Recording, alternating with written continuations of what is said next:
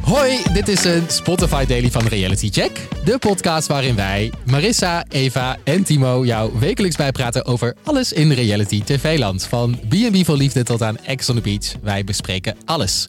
En tijdens deze daily doen we het net wat anders dan normaal. We kronen iemand tot eh realityster van de week. En deze week is dat niemand minder dan...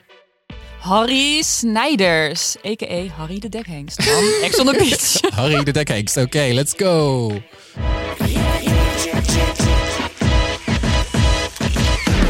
Ehm, voor de mensen die denken, eh, Harry de Dekhengst, sorry, niet helemaal mijn doelgroep.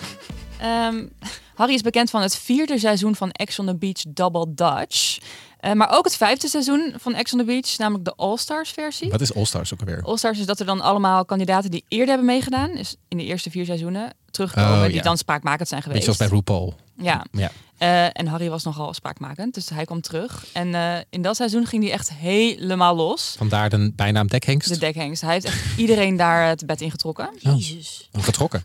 Ja, soort van. Oké.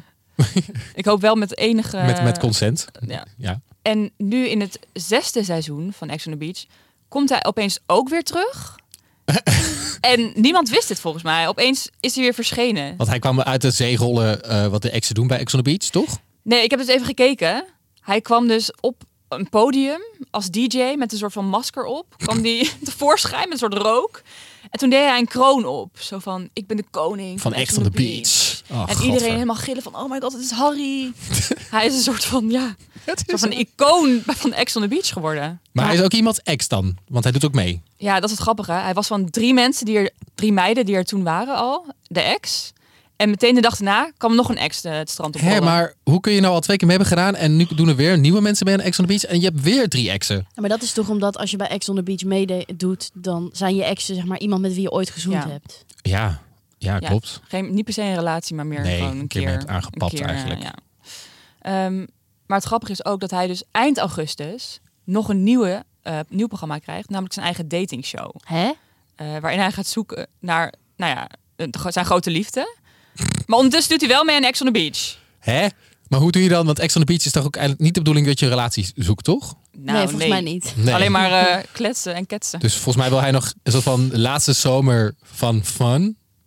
Voordat hij dus echt op zoek gaat naar de ware in een datingprogramma Ja. van Discovery Plus. Maar hoe zitten die opnames dan? Ja, ik zit- hoop, ik hoop dat Ex on the Beach eerst is en dan het datingprogramma en niet andersom. Ik hoop het ook. Maar zou die dan niet ook al heel veel vrouwen gehad hebben? Dus welke vrouwen heeft hij dan nog voor dat datingprogramma?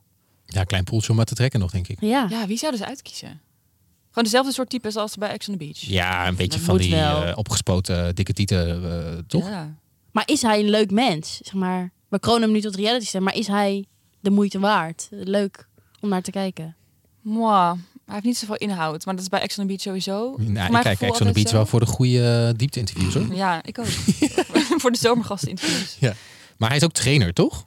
Dat, daar Ja. ken ik hem wel van, van Personal een beetje van die Heb jij Insta. personal training van Harry? Nee, ik heb geen personal training van Harry. Ik ken hem alleen van, dat, dat zie je af en toe dan voorbij komen. Volgens mij dat je dan wel eens gesponsord wordt Oh ja. online. Ja. En hij heeft ook nog een eigen bedrijf in eh, tandenbleken. Oh nee. Your Smile van die heet dat. strips, toch? Ja. Ja, die werken dus echt totaal niet voor lang, hè?